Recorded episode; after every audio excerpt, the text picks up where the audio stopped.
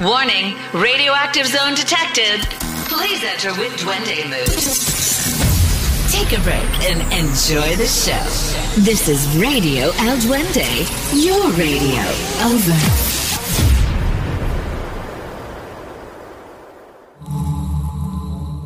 Selamat datang kembali di Dialog Communication dari Himakomun Tirta bersama gua Muhammad Miftah pada episode Class Communication.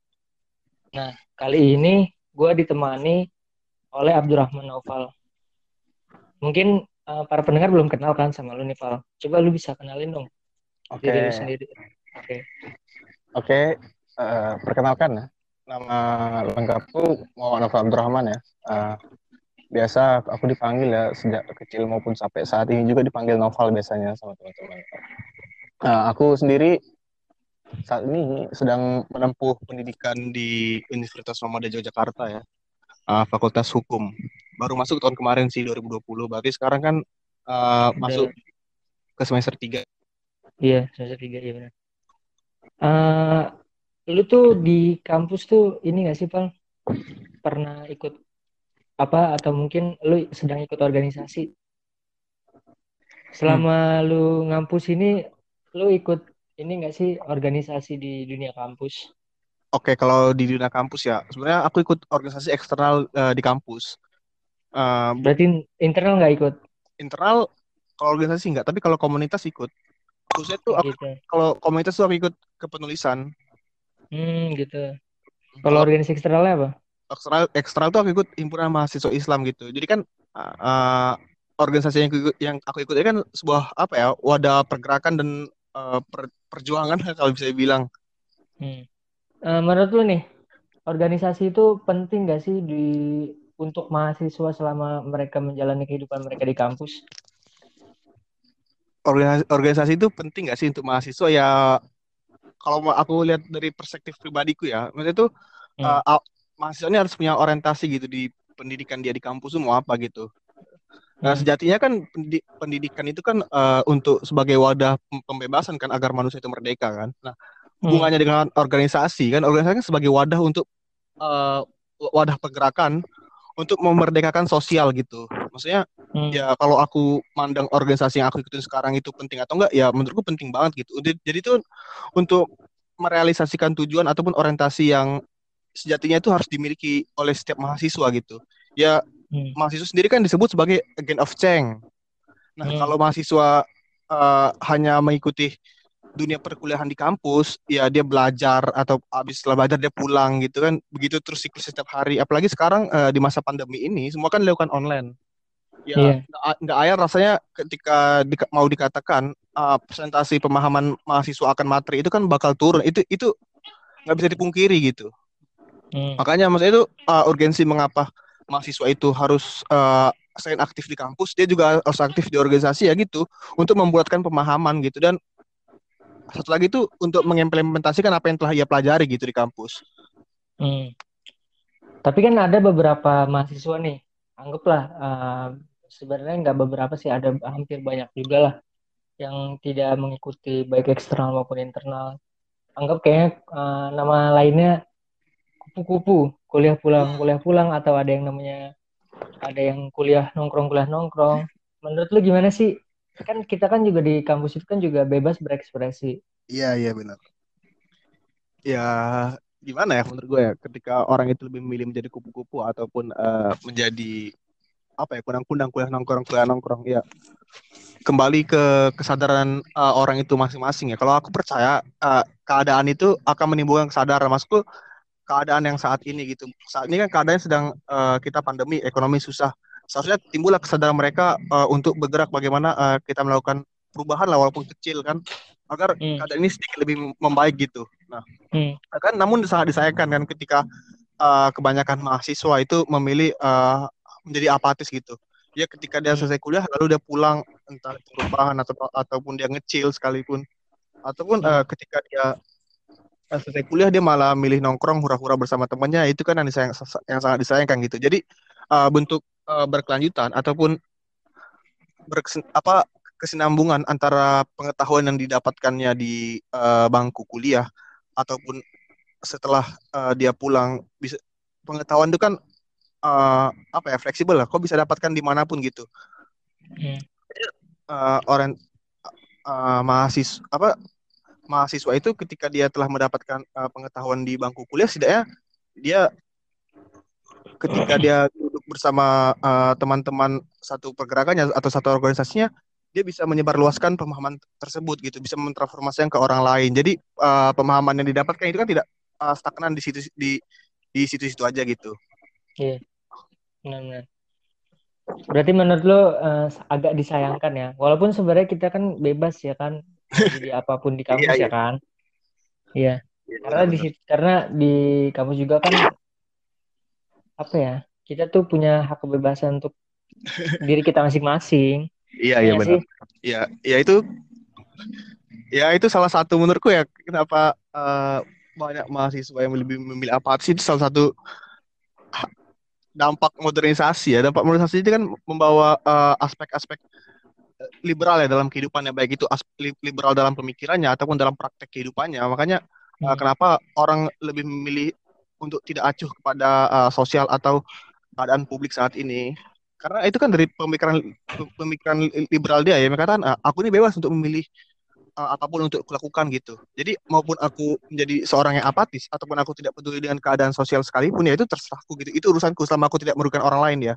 Ya mungkin di hmm. pandangan hmm. dia begitu, tapi uh, dengan dia yang tidak peduli sebenarnya kan itu kan apa ya salah satu bentuk ataupun uh, praktek dari kematian sosial yang dia tidak sadari sendiri gitu. Hmm. Jadi maksud coba bisa di ini lagi diperjelas lagi maksudnya gimana? Ya gini kak uh, intinya itu kenapa orang uh, banyak memilih untuk menjadi pribadi yang apatis itu kan salah satu bentuk dari uh, liberalnya pemikiran dia dan diimplementasikan dalam praktek kehidupan dia gitu. Nah, oh, seseorang gitu. yang uh, seseorang yang berpemikiran liberal pasti dia uh, mengedepankan kebebasan untuk dirinya sendiri gitu. Jadi uh, dia berpemikiran kalau aku ini bebas menentukan diriku ingin melakukan apa pun gitu. Selama itu tidak merugikan orang lain. Nah, itu kan yang dinamakan liberal gitu. Tapi kan secara tidak langsung uh, apa yang dilakukan itu kan tidak apa ya, tidak merubah kebaikan pada sosial gitu. Ya, tidak merubah kebaikan pada sosial berarti memperpanjang memperpanjang umur kesengsaraan sosial kan. Hmm. Nah, menurutku di situ ada uh, relevansinya gitu. Kenapa?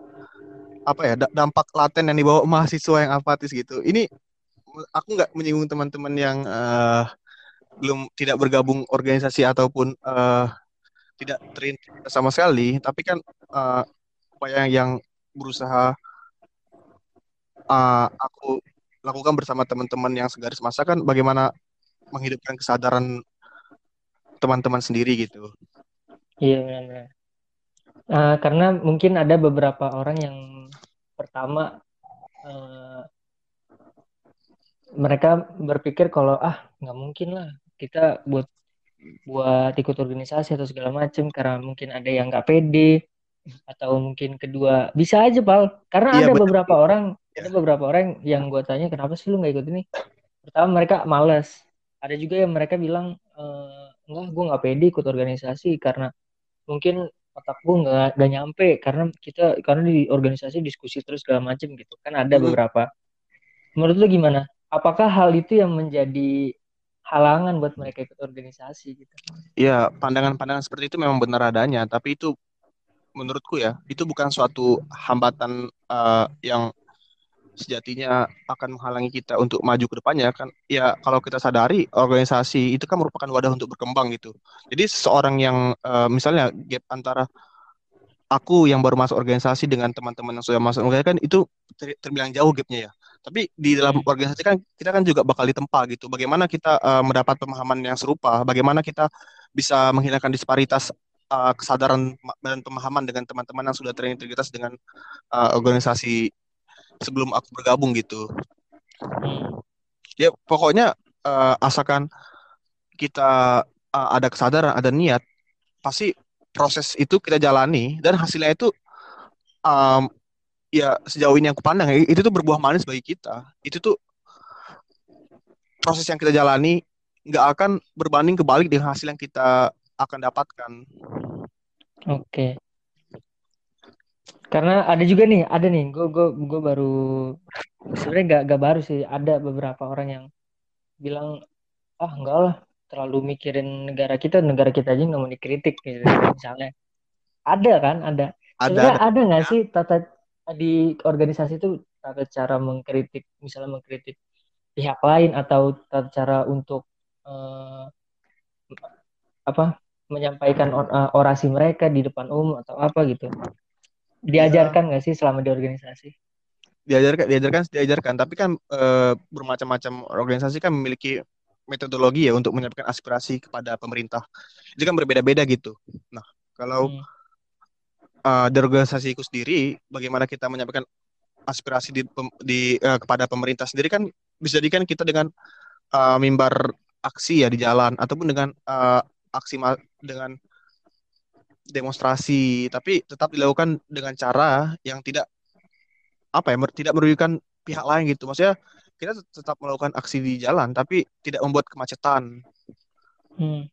Nah, tidak eh, merusak fas- fas- fasilitas umum gitu berarti ada ada tahapan di mana lu tuh harus apa akan melakukan aksi itu kan? ada ya benar kalau misalnya eh, sebelumnya aku yang belum eh, bisa bicara di depan khalayak ramai atau ataupun aku orasi di depan eh, aksi massa ya sebelumnya aku pasti menggembleng diriku dan eh, teman-teman organisasi pun pasti membantu gitu dalam proses pem- pembentukan diri gitu. Hmm. Berarti sangat penting organisasi itu buat pembentukan diri ya. Iya sangat penting pembentukan karakter, watak dan eh, semisalnya gitu.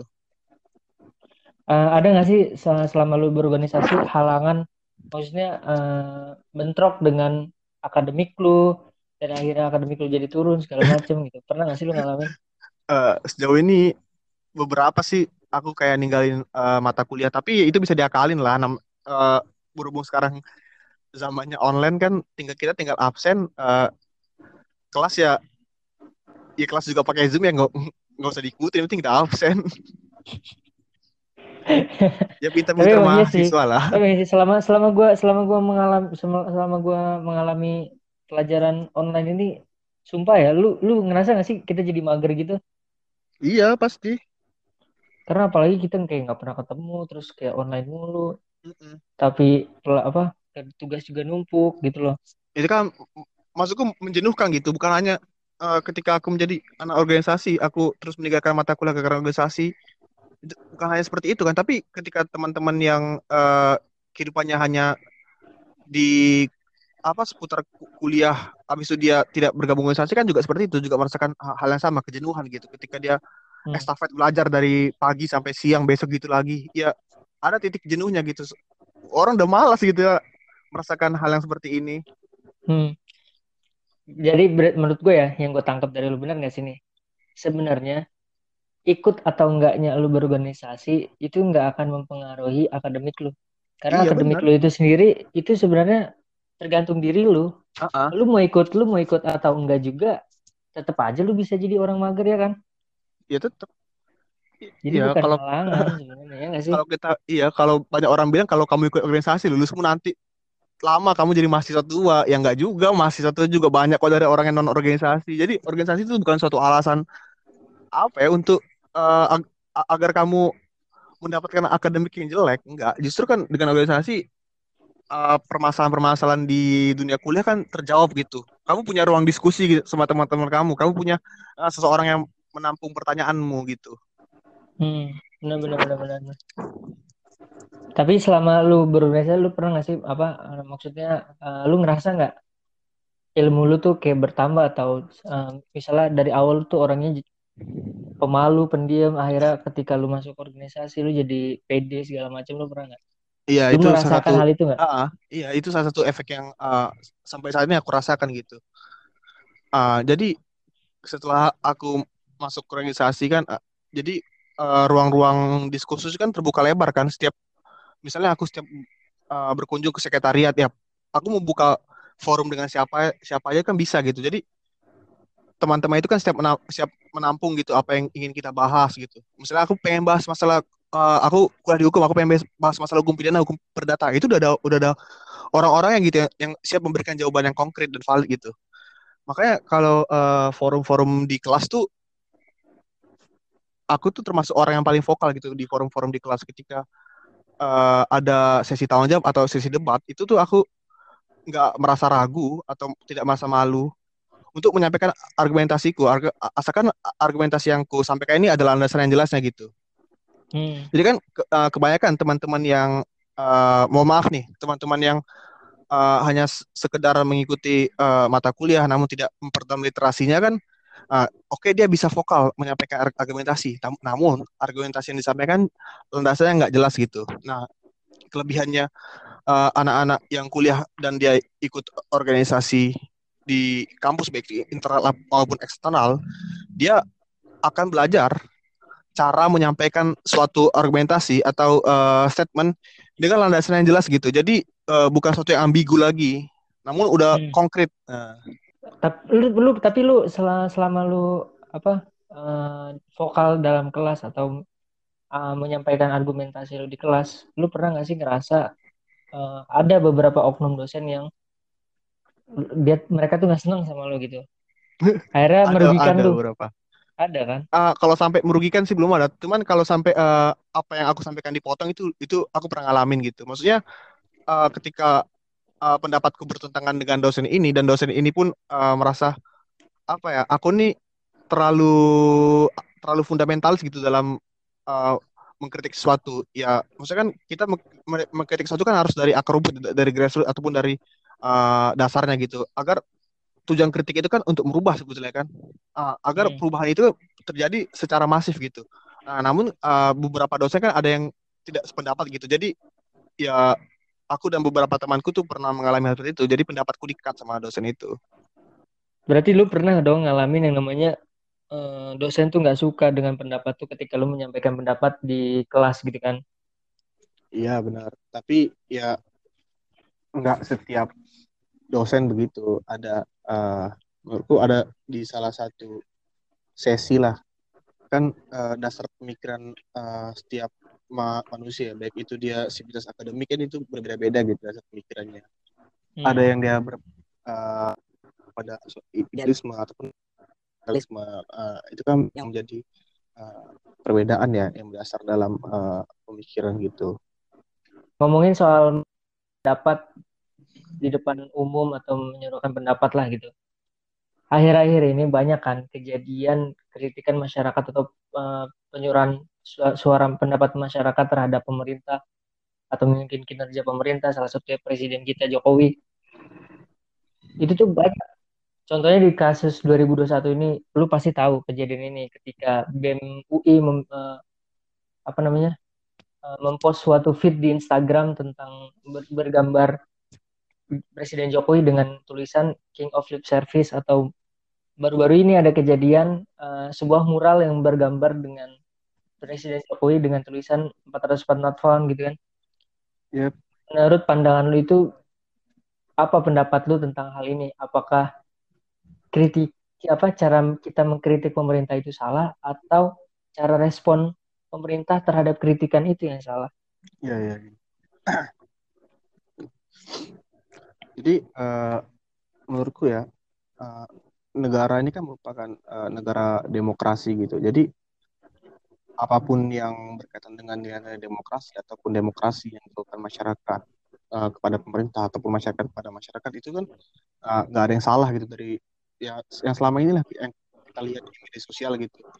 Uh, mulai, mulai dari uh, demo, uh, itu uh, yang ini juga kita tahu BEM UI ya yang mengatakan bahwasanya uh, Presiden Jokowi itu uh, King of Live Service ataupun uh, yang barusan juga aku baca kemarin ya uh, masalah mural ya yang 404 not found atau tulisan Tuhan kami lapar itu, kan salah satu bentuk ekspresi masyarakat ya kekecewaan masyarakat ya uh, untuk menanggapi kebijakan-kebijakan yang, yang diberikan pemerintah itu uh, bentuk atau metodologi, metodologi demokrasi yang dilakukan masyarakat kepada pemerintah itu nggak ada yang salah. Yang salah adalah uh, keberpihakan uh, negara negara kepada masyarakat. Kalau kita lihat negara selama ini dalam menghadapi setiap kritik uh, dari masyarakat, negara kan uh, berperan ya sebagai reaksioner ya. Jadi setiap hmm. ada, setiap ada kritik dia langsung mereaksi gitu. Nah, hmm. uh, itu kan yang menjadi pertanyaan besar gitu, uh, di mana keberpihakan uh, pemerintah kepada masyarakat yang seharusnya pemerintah itu menjamin uh, demokrasi agar tetap hidup dalam uh, sendi-sendi masyarakat gitu. Tapi uh, pemerintah sendiri yang berusaha menghilangkan nilai demokrasi itu gitu. Nah, ya walaupun itu sudah diatur dalam konstitusi nyatanya uh, secara praktek atau uh, dalam realita yang kita lihat demikian gitu. Berarti uh, ada kesalahan dalam uh, praktek yang dijalankan oleh aparat gitu. Hmm. Ya, uh, terus aku ingin nanggapi ini nih uh, mengapa masyarakat uh, terus-terusan ya melayangkan uh, tanggapan atau kritis-kritis uh, yang keras kepada pemerintah ya hmm. baik itu menyinggung uh, presiden sendiri ataupun pihak-pihak uh, yang berkuasa di uh, kepemerintahan ya hmm. uh, selama ini uh, seharusnya kebijakan itu kan dibuat uh, agar mensejahterakan masyarakat luas gitu mensejahterakan sosial namun yang dapat kita pahami bersama atau uh, setelah kita kaji dengan pisau analisis yang uh, yang cukup apa ya menurut gue cukup efektif gitu. Uh, keberpihakan pemerintah kepada masyarakat itu kan nggak ada gitu. Ya contohnya aja kita bisa ambil uh, omnibus law gitu yang mana dalamnya itu ada undang-undang ciptaker ciptaker kan uh, mengganti sebagian substansi dari undang-undang ketenagakerjaan. Ya kalau kita bisa hmm. lihat poinnya secara uh, mendetail ya di mana uh, buruh atau uh, masyarakat kelas pekerja itu kan banyak yang dipotong hak-haknya seperti hak cuti, hak haid ataupun uh, hak pesangon sekalipun gitu. Hmm. Nah, ini kan uh, apa ya contoh nyata bahwa ini merupakan kegagalan pemerintah dalam menjamin hak sosial warganya gitu. makanya dari hmm. itulah muncullah ekspresi-ekspresi masyarakat yang uh, tidak senang dengan kebijakan yang ditetapkan oleh pemerintah ya karena hmm kebijakan yang ditetapkan oleh pemerintah sendiri itu pun tidak berpihak kepada masyarakat gitu. Hanya berpihak kepada uh, kelas penguasa. Hmm. nah yang diuntungkan yang diuntungkan akan semakin untung masyarakat masyarakat kecil. Ya nasibnya akan semakin tertindas dan akan semakin melarat gitu. Ini kan ini kan hmm. uh, memperpanjang umur kesengsaraan ya. Dan yeah. apa tetap, tetap merawat uh, sebuah kemiskinan yang struktural gitu menurutku. Iya yeah, benar-benar. Makanya uh, bohong ya kalau kita mengatakan uh, negara ini merupakan negara yang sejahtera. Negara ini uh, belum mencapai taraf sejahtera bahkan. Ya, iya sih. Mayoritas kelas eh, mayoritas masyarakat kelas pekerja. Kalau kita mau melihat uh, kesejahteraan itu ya lihat dari kelas pekerja. Apakah apakah kelas pekerja kebanyakan saat ini uh, baik yang kelas pekerja di perkotaan ya ataupun yang di desa itu masyarakat uh, tani, apakah mereka telah sejahtera? Ya tentu tidak gitu kan. Iya benar berarti ini juga pun menjadi sebuah bumerang untuk apa apa pemerintah karena uh, pernah kan uh, salah satu eh pernah Jokowi pernah bilang kalau pemerintah ini butuh kritikan terhadap masyarakat tapi akhirnya yeah. ketika mereka dikritik malah bereaksi yang tidak di yang tidak sesuai ekspektasi kita ya kan hmm. kemudian yeah. dengan dengan dengan apa dengan membawa alasan bahwa kata Presiden Jokowi dia nggak apa-apa dikritik tapi katanya harus perlu dengan cara yang sopan. Apakah emang benar cara kritikan itu nggak sopan atau bagaimana? Karena kan uh, kita kan berbebas berbebas apa, memberikan pendapat ya kan? Menurut itu gimana pak? Ya menurutku uh, ada yang satu yang uh, ambigu ya. Mengkritik yang sopan tuh bagaimana? Kita nulis surat gitu eh, ini mohon maaf pak. Kebijakan yang buat ini uh, seleknya seleknya itu tidak di, tidak untuk ditetapkan. Ya apakah begitu kan ya aneh menurut lo gitu kan? Ya kalau yeah. misalnya uh, kebebasan berpendapat pun diatur uh, tata caranya ya itu bukan kebebasan lagi. Itu namanya sebuah apa ya se sebuah uh, konsep pragmatis gitu yang yang akan menjadikan uh, kebebasan berpendapat ini akan menjadi instruksi gitu. Jadi uh, apa pun yang akan kau suarakan itu kau harus mengikuti yang diinginkan oleh pemerintah kan Hmm. nggak begitu kebebasan berpendapat ya kok bebas mengungkapkan eh, keresahan-keresahan yang dirasakan oleh masyarakat saat ini gitu Hmm. Nah, masyarakat mas- mas- masyarakat eh, masyarakat seni misalnya misalnya eh, seniman iya akan meng- mengkritik pemerintah melalui seni-seninya baik itu melalui eh, puisi ataupun eh, gambar ataupun lagu atau hal yang semisalnya lah eh, mahasiswa akan mengkritik keras pemerintah dengan cara eh, apa ya menyuarakan argumentasi-argumentasi mendasar yang mana eh, substansinya itu adalah eh, kebijakan-kebijakan pemerintah yang ditetapkan eh, saat ini itu tidak ada nilai kesejahteraannya eh, kepada masyarakat. Nah, dengan cara demonstrasi ataupun eh, mimbar aksi ataupun su- eh, sebagainya lah. Nah, eh, seorang akan mengkritik melau- melakukan kritik kepada pemerintah eh, sesuai dengan apa yang dia mampu gitu. Hmm. Hmm. Benar. Berarti sebenarnya apa ya? eh, kritikan itu sebenarnya bukan karena kita tidak suka, tapi itu yang kita rasakan untuk apa? Nah, Mengungkapkan keresahan kita ya kan. mm, Dan itu tuh em, menurut kalau yang gue tangkap ya, kritikan itu sebenarnya eh, bagaimana cara sopan atau tidaknya itu itu nggak bisa diukur ya kan? iya. Karena itu kan mengungkapkan apa keresahan kita terhadap suatu hal gitu kan. Mm-mm. itu yang jadi Kalau itu yang jadi pertanyaan ya kan ya kritik kan kritik eh, itu termasuk ke dalam eh, sebabnya kebebasan berekspresi. Apabila kebebasan berekspresi pun itu kita sudah disetir, itu itu kan tidak lagi namanya menjadi kebebasan berarti gitu kan. iya benar benar. Benar banget. Eh, berat eh, menurut lu nih pandangan lu terhadap pemerintah sekarang itu apakah Wah, yang lu rasakan apakah enggak benar benar. Enggak soalnya gini loh karena hmm, eh beberapa ada beberapa oknum lah yang bilang eh, zaman sekarang itu kayak zaman sebelum reformasi. Kita mengkritik salah tapi nggak apa? dikritik minta kritik. nggak dikritik juga salah iya nggak? Mm-mm. akhirnya kita juga takut berekspresi gitu. Banyak kan eh, kayak BMUI setelah mereka mengkritik hal itu.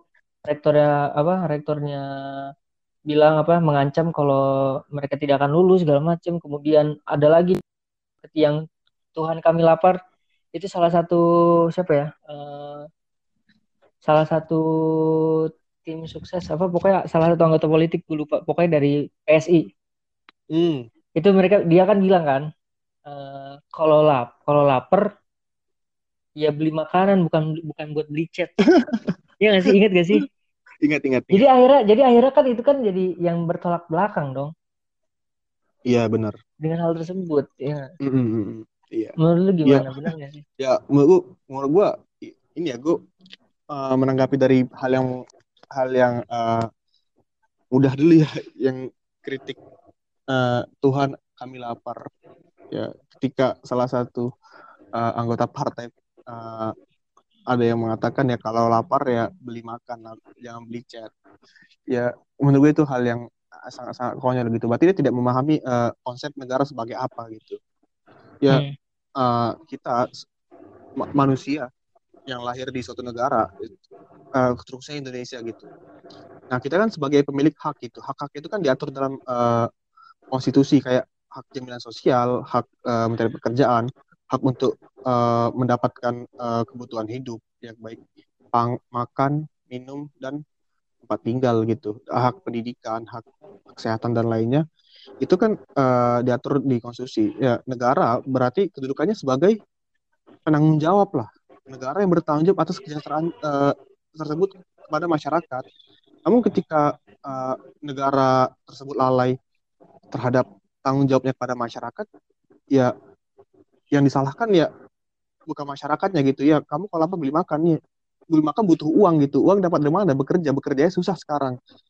Ya kan? Iya benar benar benar benar benar banget. Bekerjanya susah. Dengan persyaratan yang banyak. Nah yang makin yang banyak segala banyak. macam nah masyarakat di desa pun eh, tanahnya banyak yang eh, dirampas kan dibangun di- dibangun eh, perusahaan-perusahaan baru atau pabrik-pabrik baru oleh eh, korporasi gitu. Dan itu kan eh, pemerintah melegitimasi hal tersebut gitu. Ya jadi ya wajar aja kalau kita bilang Tuhan kami lapar. Ya karena negara uh, harusnya negara uh, apa ya berkedudukan sebagai kaki, kaki tangan Tuhan gitu.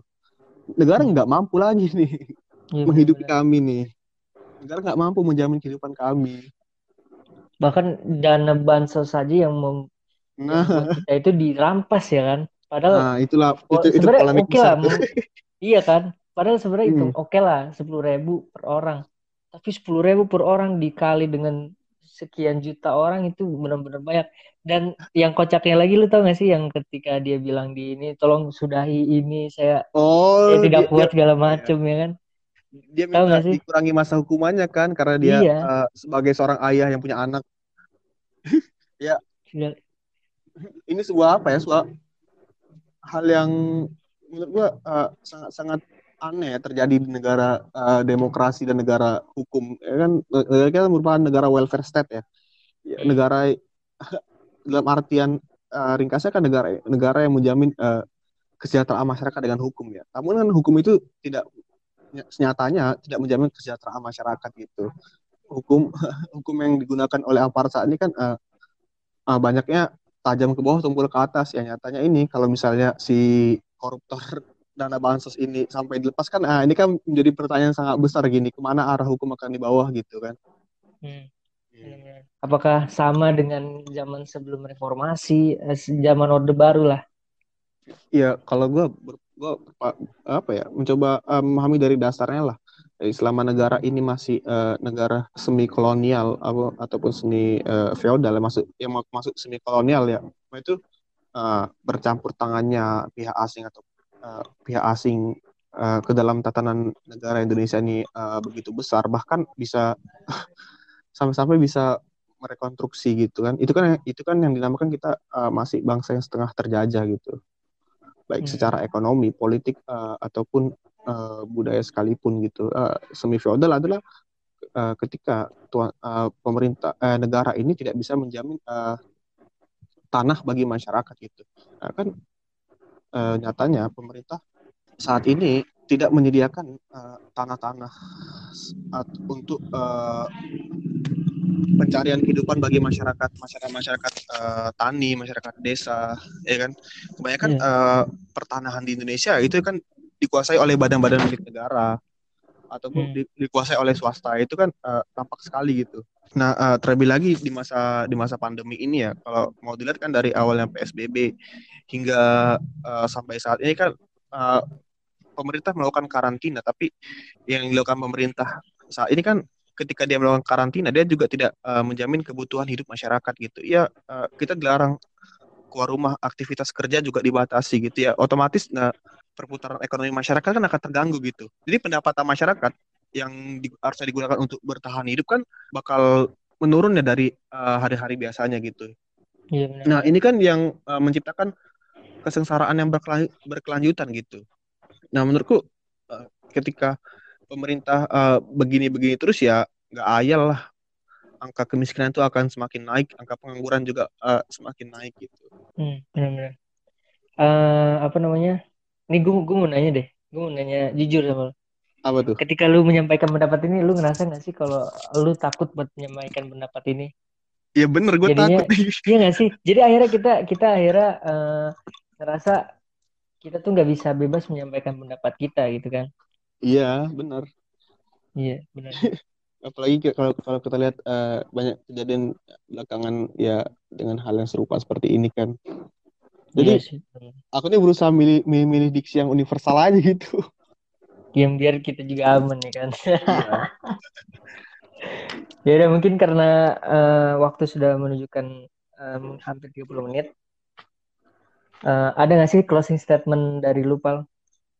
apa ya closing statement dari gue ya uh, inilah uh, sebagai mahasiswa kita kan merupakan uh, kaum yang terdidik ya, yang memiliki kesadaran lebih maju uh, dari masyarakat-masyarakat lainnya. Ya, ya seyogyanya kita tuh harus menjadi katalisator penggerak untuk perubahan gitu dan uh, tetap perkuat perjuangan rakyat. Ya segitu ya teh. Ya udah.